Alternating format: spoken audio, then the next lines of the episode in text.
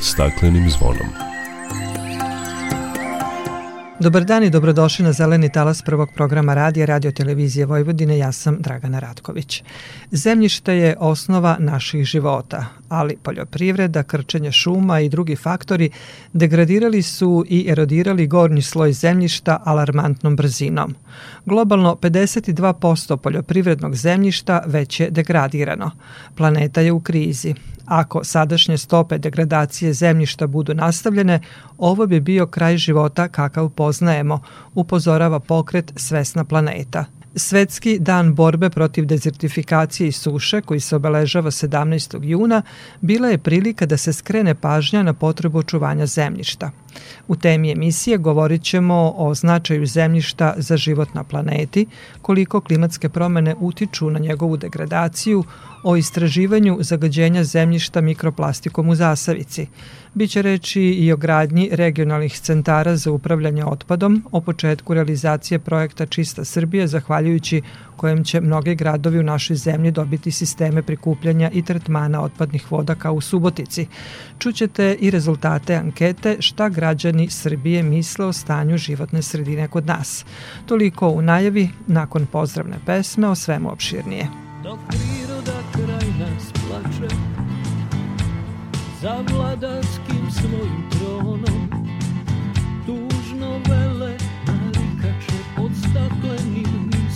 zvonom. Znaj vazduha više nema Sve manje je i ozona. Protiv sebe ide čovek i to često bez pardona. Uništenju živog sveta Kao da su ljudi skloni Čovek sam je sebi meta Zbog njega ovo zvono zvoni Uništenju živog sveta Kao da su ljudi skloni. Čovek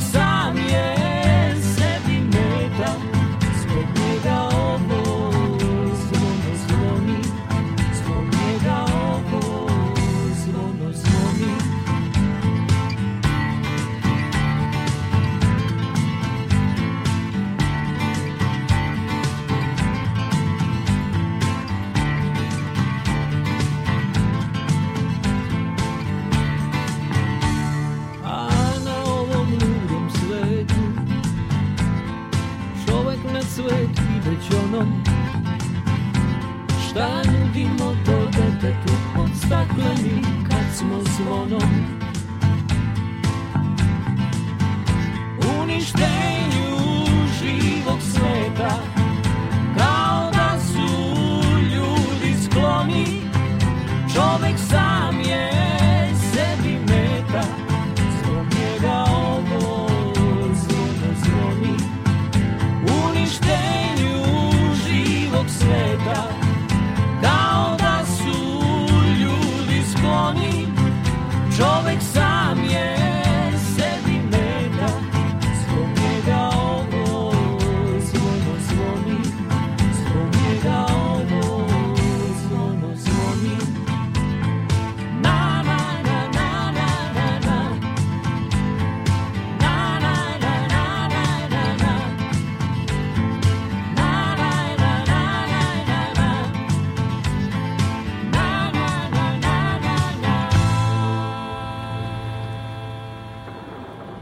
Svetski dan borbe protiv dezertifikacije i suše obeležava se svakog 17. juna od 1994. godine, kada je i usvojena Konvencija Ujedinjenih nacija za borbu protiv dezertifikacije.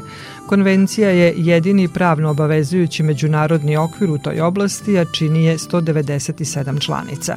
Dezertifikacija je degradacija zemljišta u sušnim područjima, usled čega se gubi njegova plodnost i pretvara se u pustinju.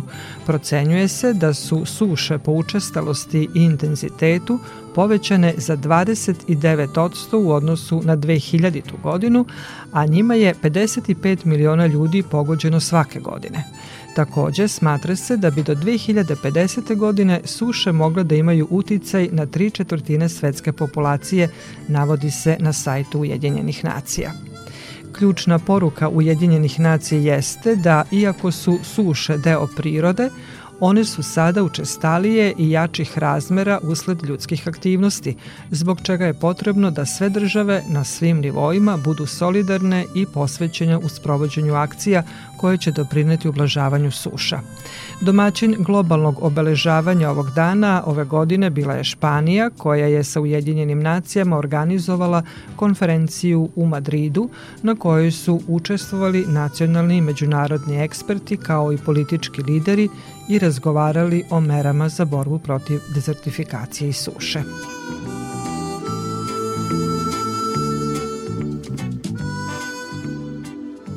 A na Poljoprivrednom fakultetu u Novom Sadu održan je dvodnevni simpozijum Zemljište u doba precizne poljoprivrede i informacionih tehnologija.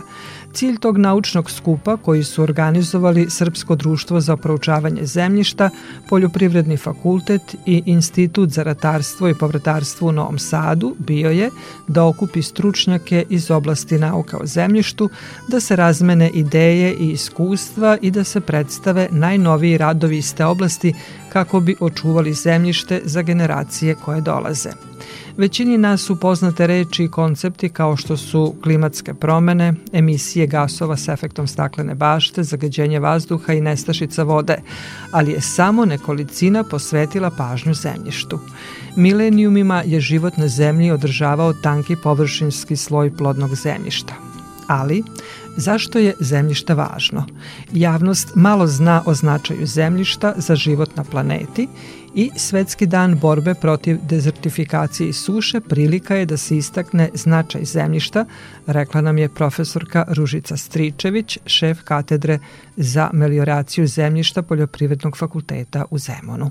Pre svega želim da kažem da je zemljište jedan osnovni prirodni resurs na kome sve počiva. Dakle, sav živi svet počiva na zemljištu i bez vode i zemljišta praktično ne bi bilo ni živog sveta na ovoj planeti. Malo brige se poklanja očuvanju zemljišta i praćenju njegovog kvaliteta, tako da zaista ovo je jedna lepa prilika da se nešto više kaže o toj problematici. Klimatske promene se dešavaju, one su se dešavale i kroz e, geološku istoriju i to je proces koji će naravno i da se nastavi, ali ono što je loše je to da se pogoršavaju klimatski uslovi na našem klimatskom području koje neminovno utiče i na kvalitet i na opstanak samog zemlje. S jedne strane, Poplave mogu da utiču na kvalitet zemljišta i to na fizičke i hemijske osobine zemljišta, pre svega donošenjem nanosa, plastike, raznog drugog smeća, a s druge strane donosi i polutante, zagađivače, kao što su teški metali, kao što su metaloidi ili pahovi. Sve to može da utiče i da e, se kasnije reflektuje kroz lanac ishrane i da dođe preko životinje do čoveka i naravno da to utiče na kraju na naše zdravlje. Dakle, poplave utiču na kvalitet zemljišta, s druge strane poplave imaju razornu moć mogu da odnesu poljoprivredno zemljište, zatim mogu da izazovu klizišta. S druge strane imamo suše koje se takođe sve češće javljaju na našem podneblju. Suše zbog nedostatka vode, naravno suše se biljke, a, a onda je tako zemljište podložno eolskoj eroziji, odnosno eroziji vetrom, koje može da odnosi fine čestice sa zemljišta. Sa druge strane, ukoliko se zemljišta nalaze na nekim nagnutim terenima, to su obično i plitka zemljišta, tu se biljke e, lako isuše i to zemljište ne može da sadrži dovoljnu količinu vode i e, samim tim biljka će brže da se osuši, ali posle obično nekih sušnih perioda uslede letnji pljuskovi koji mogu da takvo zemljište lako razore, jer biljka, biljni koren u stvari čuva to zemljište. I što je veća suša, to su i veći rizici od trajnog gubitka zemljišta. To je ono na čemu mi treba da radimo i da zadržimo vodu gde god je moguće, kad god je moguće, da bi biljke što duže bile fiziološki aktivne kako bi se čuvale zemljište. Degradacija zemljišta je globalni svetski e, problem na koji se poslednjih godina sve više ukazuje do te mere da smo sada shvatili da je zemljište neobnovljivi prirodni resurs i da zaista moramo da ga sačuvamo. Koje se mere primenjuju i koji se apeli upućuju da se, da se zaštiti zemljište? U zavisnosti od topografije i od e, položaja na kom se zemljište nalazi, mere će da se razlikuju zemljišta koje se nalaze u bliže priobalju, gde postoji i uticaj podzemnih voda koje opet imaju veću količinu e, dotoka vode za opstanak biljaka, onda je dovoljno da se rade vetrozaštitni pojasevi, recimo da se smanji e, razaranje zemljišta vetrom, da se pravilno obrađuje zemljište, da se sačuva vegetacija na obodima parcela, pogotovo ukoliko se radi na o blagim padinama, Dakle, da ta vegetacija zadrži to zemljište, da ono se ne bi pomeralo na neke veće e, daljine. Što se tiče e, drugih nagnutih i strmih terena, potrebno je raditi naravno terasiranje, pošumljavanje, navodnjavanje, ako vode ima, nažalost, e, plašim se da će vode za navodnjavanje sve manje biti i na teritoriji Republike Srbije izračunato je da će biti dovoljno vode za stanovništvo, ali veliko je pitanje da li će biti vode i za navodnjavanje. Već sada se osjećaju veće potrebe za vodom. Svi rezervoari čak na Fruškoj gori, svi ova jezera koja su napravljena da, da sačuvaju zemljište od erozije pre svega, one se već polako prazne zbog sve manjeg dotoka vode, ta voda se koristi i za navodnjavanje i već je praktično dostignut neki biološki minimum.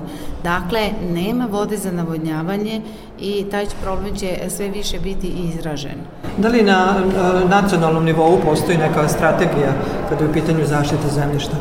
Po našem zakonu postoje zakonske obaveze da se pre svega primenjuje dobra poljoprivredna praksa, jer ukoliko primenjujemo dobru poljoprivrednu praksu, onda smo na dobrom putu i da sačuvamo naše zemljište. Vrlo često neznanje, nedostatak novca da se ulaže u poljoprivredu, u bolju mehanizaciju, često izostaje primjena te dobro poljoprivredne prakse.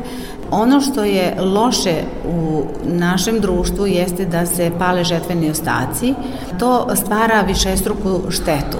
S jedne strane, poljoprivrednici žele da utroše manje energije da bi zaorali te žetvene ostatke i onda im je lakše da zapale, ne znajući da pri tome čine višestruku štetu tu pre svega oni zapale organsku materiju koja se nalazi u zemljištu i koja stvari čini zemljište plodnim. Dakle, oni seku granu na kojoj sede. Te loše stvari se neće odmah manifestovati prve, druge, pete godine, ali posle desetak, 15, 20 godina će svakako to zemljište da se pretvori u prašinu i onda će ono biti podložno još ovaj, većoj eh, eroziji i ta zemljišta će se lako devastirati. Dakle, potrebno je ljudima objasniti praktično na nacionalnom dnevniku, na, na svim medijima u stvari, koliko je pogubno paljenje žetvenih ostataka. Povodom 17. juna Svetskog dana borbe protiv dezertifikacije i suše, koja bi bila vaša poruka? Poruka bi bila da primenjujemo sve dobre poljoprivredne prakse koje će nam pomoći da očuvamo e, naše zemljište za naredne generacije po mogućstvu da zemljište ostavimo u boljim uslovima nego što smo ih mi nasledili od naših predaka. Hvala najlepše. Molim. la la la la la la la la la la la la la la la la la This very body is soil. My body, your body, everybody is just soil body.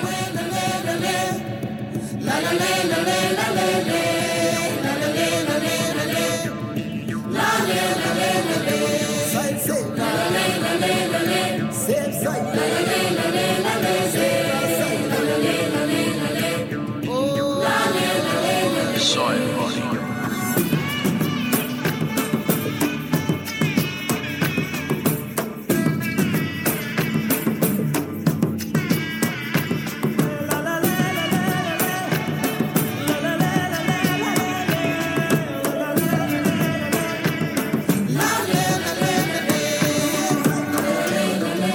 Magic of soil is it turns death into life.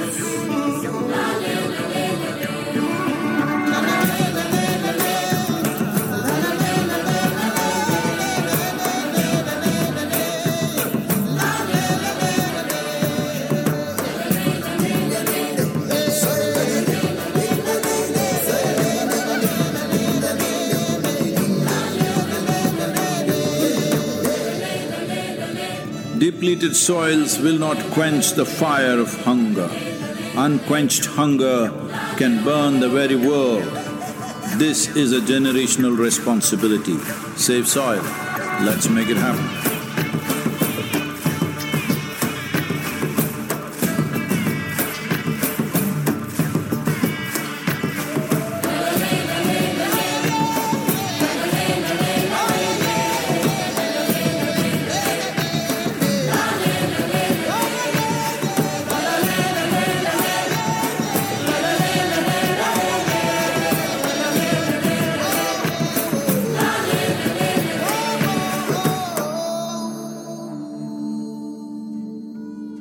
Slušate emisiju pod staklenim zvonom.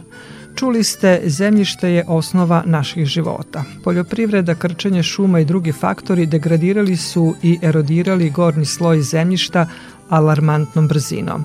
Globalno 52% poljoprivrednog zemljišta već je degradirano. Planeta je u krizi. Ako se sadašnje stope degradacije zemljišta nastave, ovo bi bio kraj života kakav poznajemo. Ukazujući na značaj zemljišta i sve veću degradaciju zemljišta, raste globalni pokret i vode se kampanje za spas planete, o kojem nam je govorila šefica laboratorije za zemljište i agroekologiju Instituta za ratarstvo i povrtarstvo u Novom Sadu, Jordana Ninkov. U toku je najveći ekološki pokret za učuvanje površinskog sloja zemljišta i to baš sa fokusom na učuvanje organske materije u zemljištu. Taj pokret se zove Svesna planeta, poziv je za akciju i ovaj pokret su podržali između ostalog i Međunarodni panel za borbu protiv suše i dezertifikacije. Cilj celog ovog pokreta je upravo to što ste rekli, da se skrene pažnja šire javnosti, da značaj zemljišta je najvažniji u ovom trenutku i preisudan u svetlu nadolazećih klimatskih promjena u, u spram toga koliko nam je zemljište već degradirano. Ovaj pokret je jako ambiciozan i njegov cilj jeste da 3,5 milijardi ljudi sazna za ovaj problem, zato što je to onaj deo populacije koji ima pravo glasa. Kad govorimo o degradaciji zemljišta, šta je najčešće uzrok tome? Najčešći uzrok tome je baš rapidni gubitak organske materije zemljište. To se sve dešava što mi već godinama nemamo đubrenja stanjakom zbog devastirane stočarske proizvodnje, a i širom sveta se to dešava zbog razoravanja i intenzivnog korišćenja zemljišta.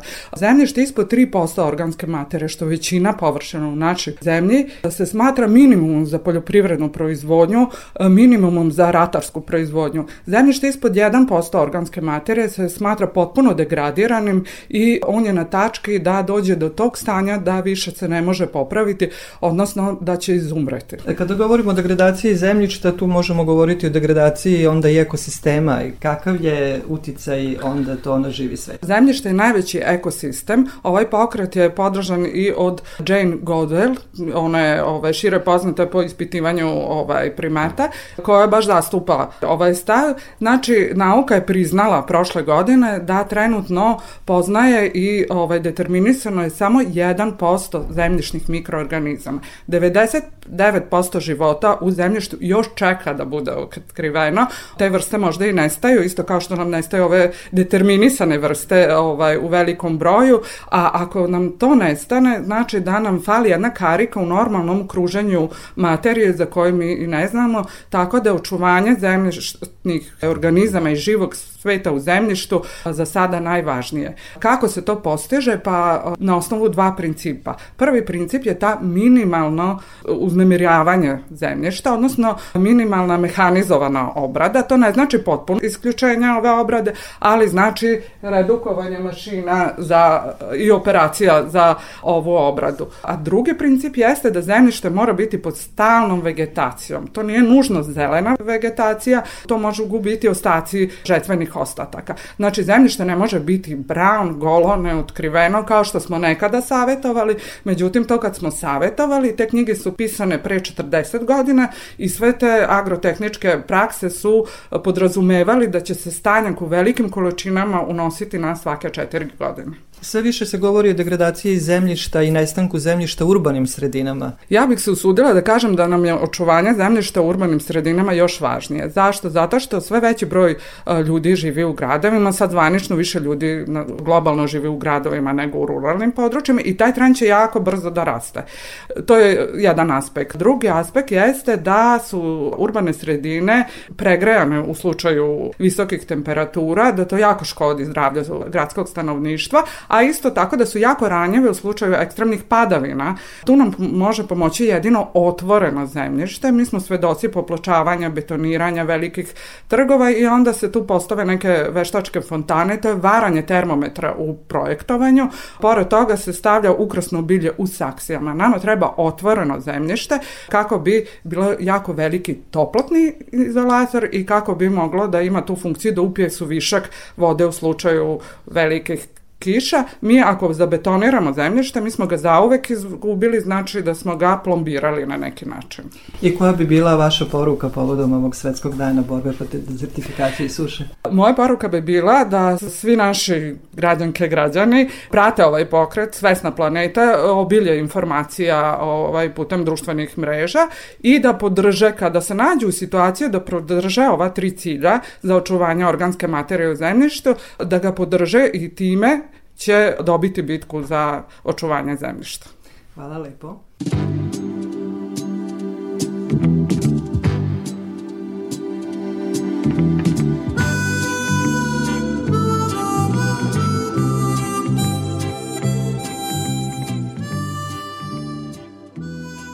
Slušate emisiju pod staklenim zvonom. Planeta se trenutno suočava sa tri glavna ekološka problema koji su međusobno povezani, a koji čine klimatske promene, gubitak biodiverziteta i zagađenje. Kada govorimo o zagađenju, tu su dve vrste zagađenja koje predstavljaju najveći problem, to je zagađenje vazduha i zagađenje životne sredine otpadom. Često se pominju podaci da se procenjuje da je negde oko 40% okeana danas veoma zagađeno, a da najveći problem predstavlja plastični otpad. Ovakav otpad najveću opasnost predstavlja kada se razgrađuje u mikroplastiku i nanoplastiku koju životinje unose u organizam. A koliko je zemljište zagađeno mikroplastikom? Na simpozijumu u Novom Sadu posvećenom zemljištu o kojem smo govorili, jedna od tema bila je i zagađenje zemljišta mikroplastikom u Zasavici. Ivana Mikavica sa Instituta za tehnologiju nuklearnih i drugih mineralnih sirovina u Beogradu predstavile rezultate tog istraživanja. Tim povodom ona je gošća naše emisije. Ivana, dobrodošli na talase Radio Novog Sada. Dobar dan, hvala vam puno na pozivu. Kada govorimo o zagađenju plastikom, onaj najveći problem je zagađenje mikroplastikom koju ne vidimo, a može se naći na mestima na kojima čovek nikada nije ni kročio. Da, upravo tako. Istraživanje su pokazala da je mikroplastika pronađena čak i u područjima bez praktično ikakvog antropogenog uticaja kao što su Mont Everest, zatim Antarktika, recimo divlja područja e, Južne Amerike i u šumama Pirineja, tako da pretežno su do sada e, ipak istraživanja bila fokusirana na, na okeane i na reke, kao što ste i vi rekli, u znatno manjoj meri e, na, na, na zemljišta. I pretežno su bila e, predmet istraživanja zemljišta zagađenog tipa, dakle industrijska, urbana zemljišta i u određenoj meri poljoprivredne. Vi ste radili istraživanje o zagađenju zemljišta mikroplastikom na području Zasavice, u blizini je i specijalni rezervat prirode Zasavica. Šta kažu rezultati? Imali na tom području mikroplastike i koliko je zagađenje zemljišta?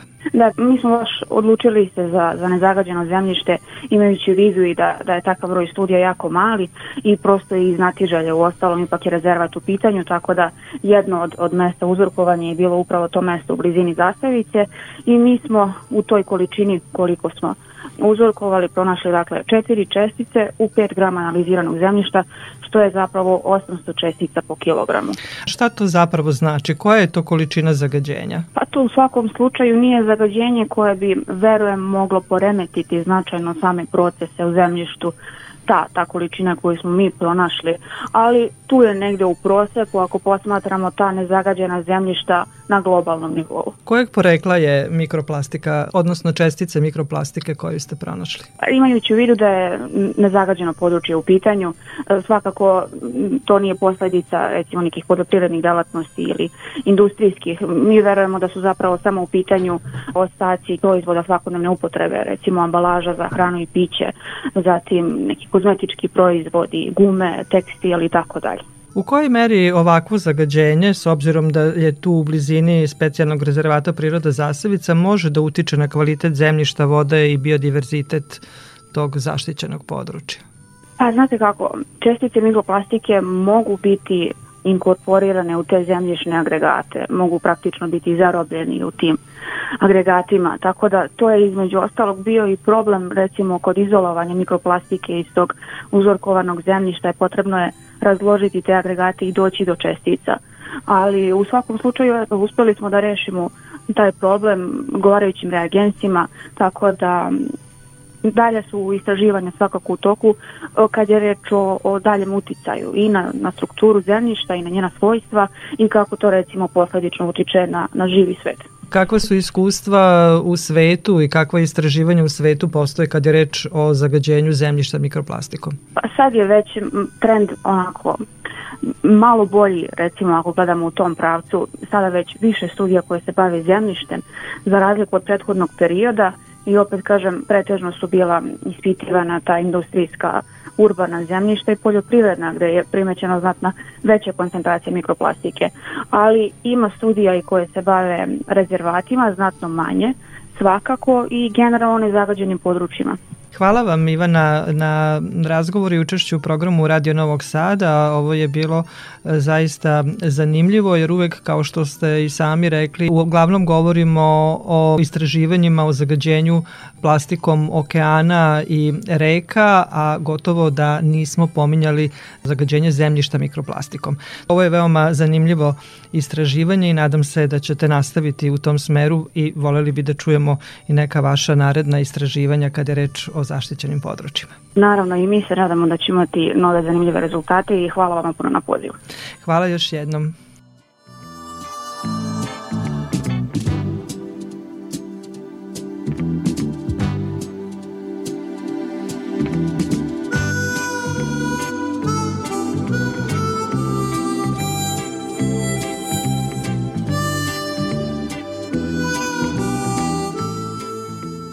A kada govorimo o zemljištu, ono što će sigurno pomoći naučnoj i stručnoj javnosti u njegovoj zaštiti je i publikacija procena degradacije zemljišta, metode i modeli. Ona će zbog svog obima sigurno biti svojevrsna monografija u kojoj su objavljeni radovi 54 autora iz 10 institucija i uskoro će biti predstavljena javnosti. Publikacija prikazuje različite oblike degradacije, počev od fizičke, hemijske do biološke, kaže urednica ovog vodećeg nacionalnog tematskog zbornika profesorka Snežana Belanović-Simić sa Šumarskog fakulteta u Beogradu. Tako da su prikazani različiti ti indikatori, data je neka perspektiva za degradaciju i zaštitu zemljišta u 21. veku, prikazano je tehničko rešenje skup koje je u stvari autorsko delo kolega iz Novog Sada, tako da je ovaj, onako pozamašno, ali išli smo na to da se napiše tako da neko ko to čita može da ima lepe primere, to su sve primeri iz različitih istraživanja koji su rezultat e, projekata koje je imalo e, naše institucije, odnosno kolege su ra, ministarstva različitih učestvovali u tim naučnim projektima i koristeći te konkretne primere, tako da je onako jedan lepo vodič da na jednom mestu je sve koncipirano i da mogu ljudi da da nauče i da, da sagledaju. Zbog čega nismo imali jedan takav zbornik, odnosno monografiju pre... Pa postoje u svetu, postoje, ljudi su pisali na engleskom jeziku, ovo je sad na srpskom jeziku i to je ono što mislim da je kvalitet, iako svako poglavlje ima abstrakt na engleskom. A, napisano je tako da je, će biti korisno, ja se nadam, svim našim studentima na različitim nivoima studija, kako šumarskog fakulteta, tako i poljoprivrednih fakulteta, ali i takođe i kolegama koji će u praksi, nadam se, moći da šire i više koriste te modele. Jer je neophodno da se vrše procene degradacije, imamo različite uticaje, mi evo ovih dana opet imamo poplave, opet imamo problem, klimatske promene su prisutne, mi imamo neke stvari koje moraju napred da se predvide, da se preračunaju u odnosu ti metodi nam i koriste da kad preračunamo ono šta očekujemo da u odnosu na to preduzimamo konkretne mere da ne bismo imali drastične posledice. Dolazite sa šumarskog fakulteta, u kojoj meri degradacija zemljišta ima uticaj na šumske ekosisteme i naše šume? Mi na šumarskom fakultetu imamo ceo ocek koji se zove ekološki inženjering u zaštiti zemljišnih i vodnih resursa, gde se upravo bavimo procesima degradacije. Pre svega gde je agens voda, vetar i gde posmatramo stanje voda i stanje zemljišta u nekom slivu. Tako da samim šumskim ekosistemima i tekako svi radovi koji se preduzimaju mogu da, ukoliko su neadekvatno preduzeti, da izazovu neki oblik degradacije, kao u ostalom bilo koja druga aktivnost, ali na Šumarskom se već 60 godina bavimo, više od 60 godina bavimo tim proučavanjem. Oh.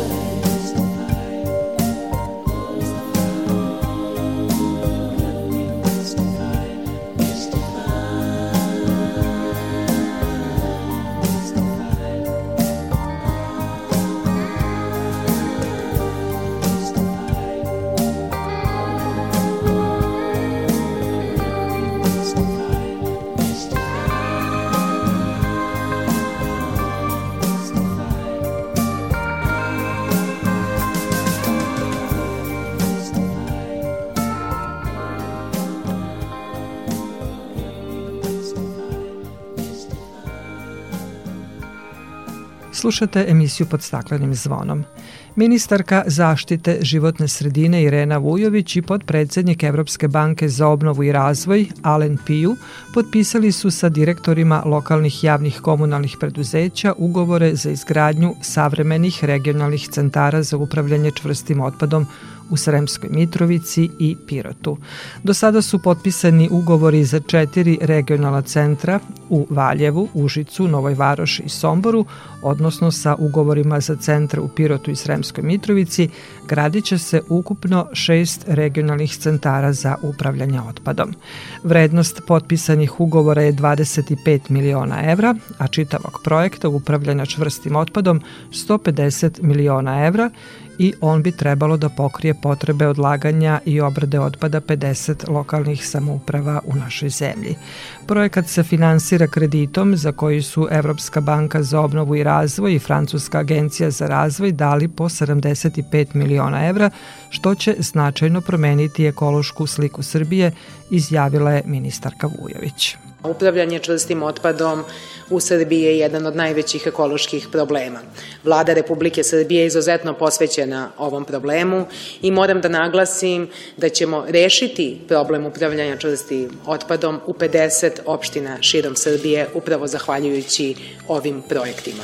Mi smo veliki deo posla već uradili, a sada nam ostaju tehničke stvari, dakle pripremanje tenderske dokumentacije, izbor izvođača radova i to radimo maksimalno brzo, zahvaljujući podršci naših evropskih partnera. Benefiti ovih projekata su svakako višestruki pre svega što ćemo unaprediti kvalitet životne sredine, što ćemo popraviti kvalitet života svakoga od nas, ali isto tako što ćemo moći da povećamo i procenat reciklaža u Srbiji, a svakako da tome i težimo kako bi poštovali principe cirkularne ekonomije i pre svega ispunjavali obaveze iz zelene agende koje smo izuzetno posvećeni kao vlada Republike Srbije. Gradnja regionalnih i reciklažnih centara svakako govori i o našoj ozbiljnosti u nameri da gradimo zelenu infrastrukturu o kojoj svakodnevno pričamo, dakle, a svakako da su ovo kapitalni projekti koji su od izuzetnog značaja i koje moramo u najkraćem mogućem roku da realizujemo. Podpredsednik Evropske banke za obnovu i razvoj Alen Piju naglasio je da rešavanje problema otpada nije samo stvar investicija, već i promene svesti građana koji treba da nauče da proizvode manje smeća i prilagode se cirkularnoj ekonomiji.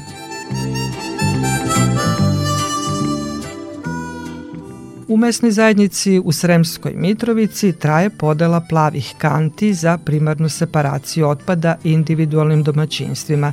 Te kante predviđene su za plastiku, papir i metal. Akciju sprovodi javno-komunalno preduzeće Komunalije pod pokroviteljstvom grada Sremska Mitrovica i Kraljevine Švedske, a u sklopu projekta Odvajamo. O tome Sanja Mitrović u mesnoj zajednici 22. avgust u naselju Severno od Planinske. Dve trećine od predviđenog broja od oko 600 kanti već su preuzete. Građani, kako kažu, shvataju značaj primarne separacije otpada. Čim je krenula akcija, sam preuzeo kantovi. Drago mi je da smo dobili priliku da sad već jednom odvojimo koje kakvo smeće. Pa bit će interesantno da mi kod kuće odvajamo karton, staklo i pet ambalaži, jel? Sad imamo najzad priliku da odvejamo smeće i ima i priliku u smislu zaštite životne sredine jer će se, imat ćemo da skladištimo pet ambalažu, karton i papir, neće se više dešavati da se baca na nepotrebnim mestima. Dodatna plava kanta po domaćinstvu smanjit će količinu otpada u standardnim zelenim kantama, a pre preuzimanja popunjava se formular, odnosno ugovor za predaju opreme. Plave kante mogu biti preuzete svaki dan u prostorijama mesne zajednice u Kuveždinskoj ulici. Marijan Radošević, predsednik Saveta mesne zajednice 22. avgust, istakao je prilike do sada smo podelili skoro 400 kanti od otprilike 600 uh, koliko imamo na teritoriji naše mesne zajednice. A sugrađani su se prilično lepo odazvali ovaj, ovoj podeli kanti i čak dve trećine je podeljeno. Veliki projekat podrške Srbije za odvajanje kućnog otpada u 17 opština u Srbiji pod nazivom Odvajamo. Započet je nedavno u Sremskoj Mitrovici. Podeli kanti prisustvovala i Tamara Milković, PR javnog komunalnog preduzeća Komunalije. Ovaj projekat inače je veoma obiman. Ono što nas sledeće čeka jeste naravno i uspostavljanje samog čitavog sistema i postavljanje kontejnera za primarnu separaciju po gradu. Same kante smo krenuli da delimo e, malo ranije zbog velikog broja. Ukupno 7571 kanta pripada gradu, nažalost samo urbanoj sredini. Sledeća faza projekta je prikupljanje otpada, koji neće započeti dok sve kante ne budu podeljene, te od strane nadležnih upućen apel svim građanima koji nisu preuzeli kantu da to učine u što kraćem roku. Javno komunalno preduzeće Komunalije će blagovremeno obavestiti građane kojim danima mogu u standardnu zelenu kantu izneti i novu plavu kantu.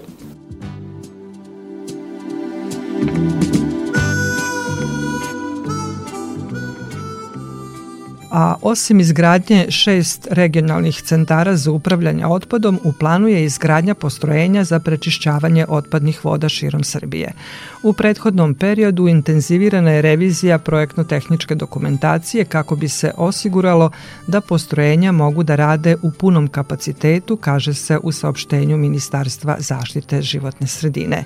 Ministarka Irena Vujović najavila je da će uskoro početi i radovi na terenu. Za nas su projekti izgradnje prečistača otpadnih voda od velikog značaja, jer će ta postrojenja u velikoj meri unaprediti kvalitet vode u našim rekama, a time i kvalitet života građana. Prema njenim rečima, u naredne četiri godine biće izgrađeno više od 60 postrojenja za preradu otpadnih voda.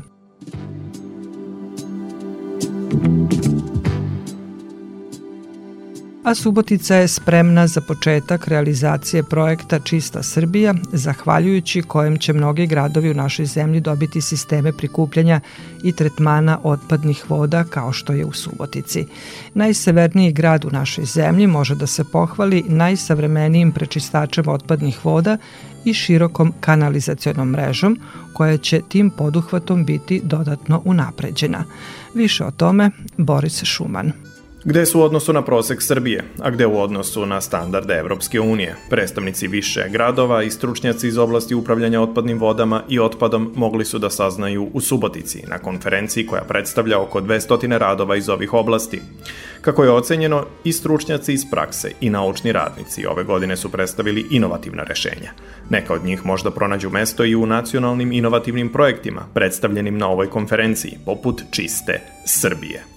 O trenutnim prosecima govori profesorka Prirodno-matematičkog fakulteta u Novom Sadu Milena Bečalić-Tomin.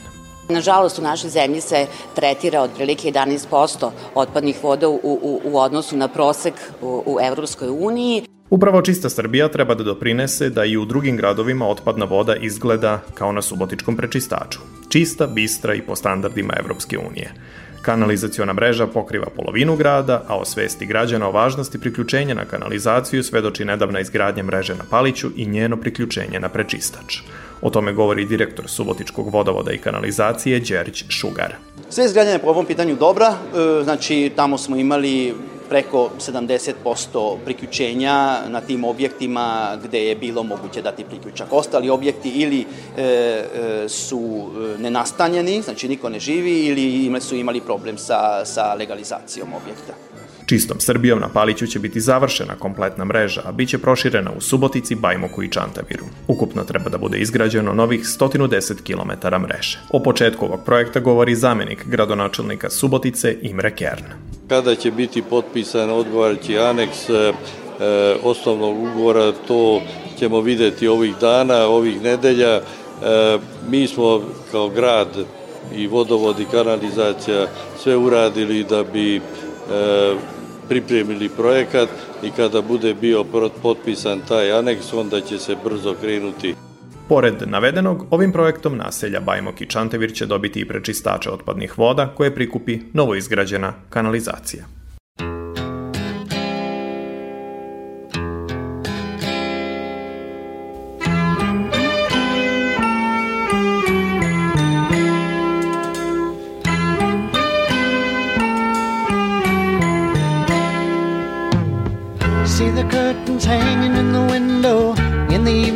Friday night.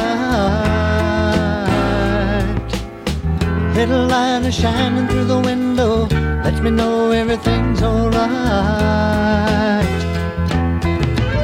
Summer breeze makes me feel fine, blowing through the jasmine in my mind.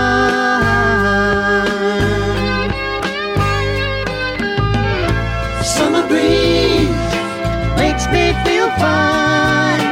Blowing the river jasmine in my mind.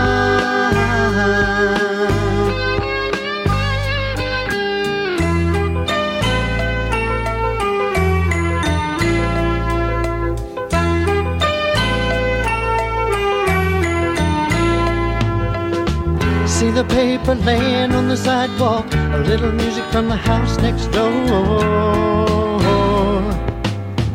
So I walk on up to the doorstep, through the screen and across the floor.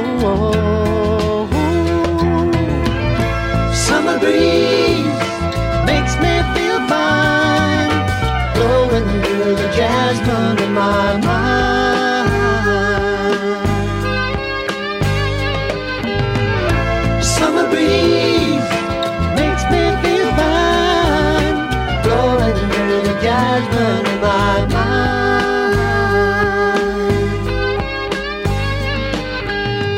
Days of summer, the jasmine's in bloom. July is dressed up and playing her tune, and I come home from a hard day's work,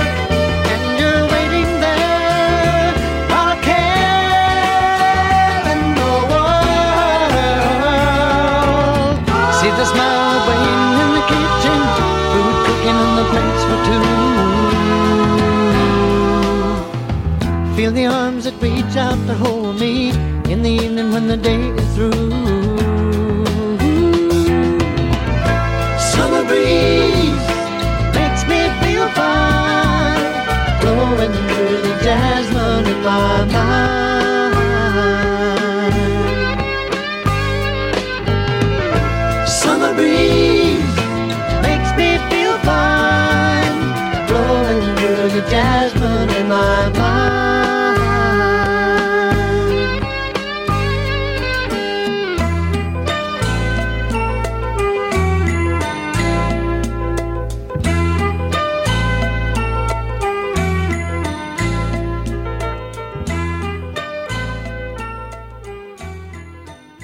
Slušate emisiju pod staklenim zvonom.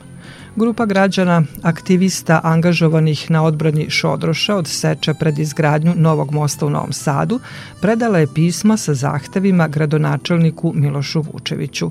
Oni od gradonačelnika, ali i svih ostalih nadležnih organa traže hitnu reakciju i zabranu svih aktivnosti koje se upravo dešavaju na Šodrošu, a zbog kojih aktivisti nekoliko dana već kampuju na toj lokaciji a šta građani Srbije misle o stanju životne sredine kod nas. O tome su organizacije Mladi istraživači Srbije, Beogradska otvorena škola i Regulatorni institut za obnovljivu energiju i životnu sredinu sprovele anketu nazvanu Otvori zelena vrata koja je tvoja ključna reč. O rezultatima ankete, koja je deo dvogodišnjeg projekta Volvox snažnije učešće civilnog društva u izradi i praćenju politika zaštite životne sredine, razgovaram sa koordinatorkom projekta Aleksandrom Dimić iz Mladih istraživača Srbije. Aleksandra, dobrodošli na talase Radio Novog Sada. Dobar dan i hvala vam na pozivu. Aleksandra, šta kažu rezultati ankete koja je sprovedena na društvenim mrežama od sredine marta do sredine aprila? Koliko je za javnost u Srbiji važna zdrava životna sredina? Pa mi smo ovu anketu Otvori zelena vrata koja je tvoja ključna reč o stanju životne sredine u Srbiji iz ugla građana kao i nekim ključnim promenama koje oni žele da vide i da je žive u budućnosti. Sproveli smo kako bismo pokazali da je pri izradi javnih politika zaista bitno da se konsultuju građani tokom celog tog procesa i od samog početka. Anketa je sadržala dva pitanja otvorenog tipa, kako vidite životnu sredinu u ovom trenutku i kakvu životnu sredinu želite. Tako da su e, građani kroz jedan online e, alat imali priliku da komentarišu i to trenutno stanje, a i da iskažu neku svoju, da kažem, viziju o željenom stanju i to su mogli da učine bilo u jednoj reči, bili u nekom, bilo u nekom dužem opisu. I kako su, kako su građani opisali stanje životne sredine u Srbiji trenutno? Pa odgovori su bili prilično dramatični, da vam kažem, snažni i zabrinjavajući. Građani su se izjasnili da je životna sredina koju trenutno žive i zagađena i alarmantna i da je ugrožena, opasna, degradirajuća, rizična, um, prljava, siva, zapuštena, onako prilično jedna pesimistička ili, ili na kraju krajeva i realna slika onoga kritičnog stanja koje svi zajedno živimo i proživljavamo. Više od 600 popunjenih anketa upravo svedoči o tome. A kada je reč o viziji građana i pitanju kako bi trebalo da izgleda životna sredina u Srbiji, šta su rekli? E, tu je nijansa već sasvim drugačija, nekako je optimističnija, svetlija, vedrija, pozitivnija, građani priželjkuju da ono što, što će živeti u budućnosti bude i čisto i zdravo i zeleno i mirno, bez otpada, razume se, očuvano, održivo, priželjkuju harmoniju, nezagađenost, e, bogatstvo i prosperitet u, u tom smislu resursa i njihovog gotovanja. A ono što nas je posebno iznenadilo, žele da vide da se o prirodi brinemo svi zajedno u skladu sa zakonima i propisima. To je onako baš ovaj, bio jedan lep uvid, uvid u njihovu viziju o budućnosti životne sredine u Srbiji. A da li su spremni da daju neki svoj doprinos e, poboljšanju stanja životne sredine? Sasvim sigurno su spremni i ta se volja oseti i kroz odgovore i kroz naše inače angažmane u mladim istraživačima i razgovore i iskustva sa i građanima i organizacijama civilnog društva i neformalnim grupama koje na lokalu rade mnogo velike i važne stvari. Oseti se ta volja i ta spremnost, ali evo kroz ovaj naš projekat Volvox snaga zajednice upravo insistiramo na tome da se građani uključuju, da budu deo svih tih procesa i da ovaj, zajedno zapravo radimo na tim promenama, da se i oni pitaju i kada su u pitanju i, i politike i donošenje odluka i svega onoga što se tiče svih nas. Pa očigledno da se onda slika menja. Možemo biti optimisti u tom smislu jer su građani zaista spremni da daju neki svoj doprinos poboljšanju stanja životne sredine. Pa mi smo paralelno sa ovom anketom e, koja je jedan ceo mesec bila aktivna na sajtu Koalicije 27 sproveli i prilično intenzivnu, interesantnu kampanju na društvenim mrežama i mladih istraživača i naših partnera Boša i Rerija i to su bile Facebook i Instagram kampanje i uspeli smo da dosegnemo nekih 300.000 građana u celoj Srbiji, što onako poprilično impozantna brojka. Imali smo i, i interesantne vizuale poput onoga Vojvodina te pita želiš li deponiju kraj njive, Fruška Gora te pita želiš li cvrk od ptica ponovo da čuješ, Pančevo te pita želiš li da udahneš duboko. Mislim, zaista je bila jedna onako intenzivna, interesantna kampanja e, kroz koju smo otkrili da ta volja i zainteresovanost građana postoji, prisutna je i tu, tu snagu treba iskoristiti kao zamajac. Jedan od glavnih puteva i ciljeva koje, koje ćemo mi u naredne dve godine se baviti i sprovoditi jeste upravo to podsticanje većeg informisanog učešća građana i u procesima donošenja odluka o zaštiti životne sredine, a i o toj nekoj sprezi i saradnji i državnih institucija i civilnog društva. Dakle, ovo je neka bitka koju svi zajedno treba da se uhvatimo u koštac sa njom. I civilno društvo i organi državnih institucija i sami građani. Rezultate ove ankete koje su deo projekta o kojem ste e, govorili, kome ćete proslediti? Mi smo kao krunu ovog jednomesečnog anketiranja i istraživanja pretočili u, u jedan dokument koji sadrži same rezultate, a potom smo imali i pres konferenciju, tu su nam gosti bili i predstavnici delegacije Evropske unije u Srbiji i jedan psiholog i takođe jedan komunikolog koji su zajedno analizirali svako iz svoje vizure ove odgovore građana i imali smo jednu veoma interesantnu debatu i kako motivisati građane da se više uključuju i nekako apropo ove ankete koja i sama nosi naziv koja je tvoja ključna reč, saglasili smo se da zaista ne želimo da sve ostane na nivou praznih reči, već da je ključna reč celog ovog zajedničkog procesa učešće. Učešće, aktivno informisano učešće svih nas. Šta još, pored ove ankete, sadrži ovaj projekat Volvox? Koje aktivnosti? Pa, mi ćemo se u naredne dve godine baviti e, zagovaranjem za donošenje ključnih strateških dokumenta u domenu zaštite životne sredine. Na prvom mestu to je nacionalna strategija za zaštitu životne sredine, ali i neko opšte unapređenje zakonodavstva u ovom domenu, da to usklađivanje politika i propisa sa EU teče glatkije. Pratit ćemo i aktivnosti zagađivača i do koje mere se oni usklađuju sa zakonskim obavezama negde očekujemo da ćemo kroz naše aktivnosti tokom naredne dve godine povećati odgovornost javne uprave u stvarima e, poput preventivnih mehanizama za zaštitu životne sredine, jer sve se to kroz proces EU integracija polako prenosi u naše zakonodavstvo i javne politike i eto važno je da, da se na tome radi u narednom periodu. Aleksandra, hvala vam lepo za razgovor i učešću u programu Radio Novog Sada. Najlepše hvala i pozdrav svim slušalcima i vama.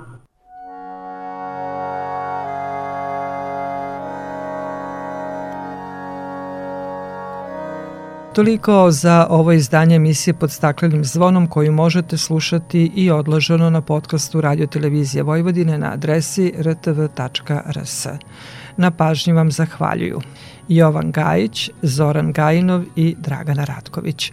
Sledeći susret zakazujemo za sedam dana u isto vreme na zelenom talasu prvog programa radija Radio Televizije Vojvodine. Searching the valley for secrets untold. The mountains are children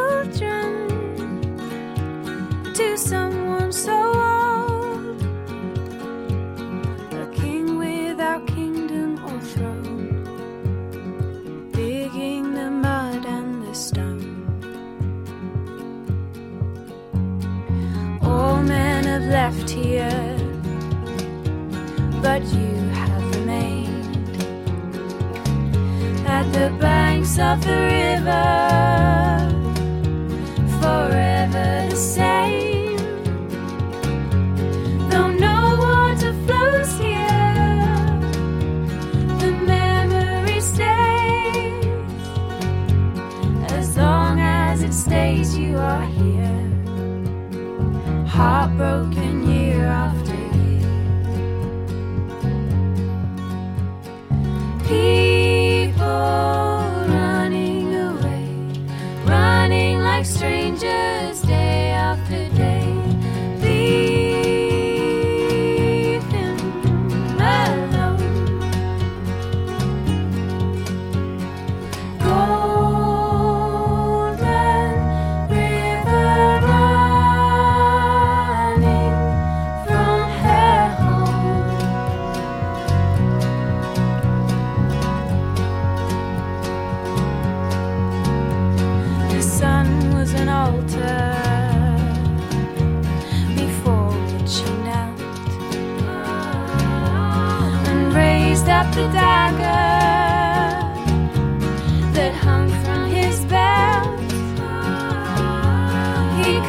his delusion and the sadness he felt,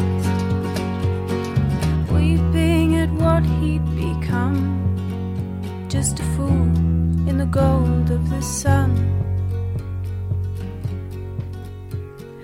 People running away, running like strangers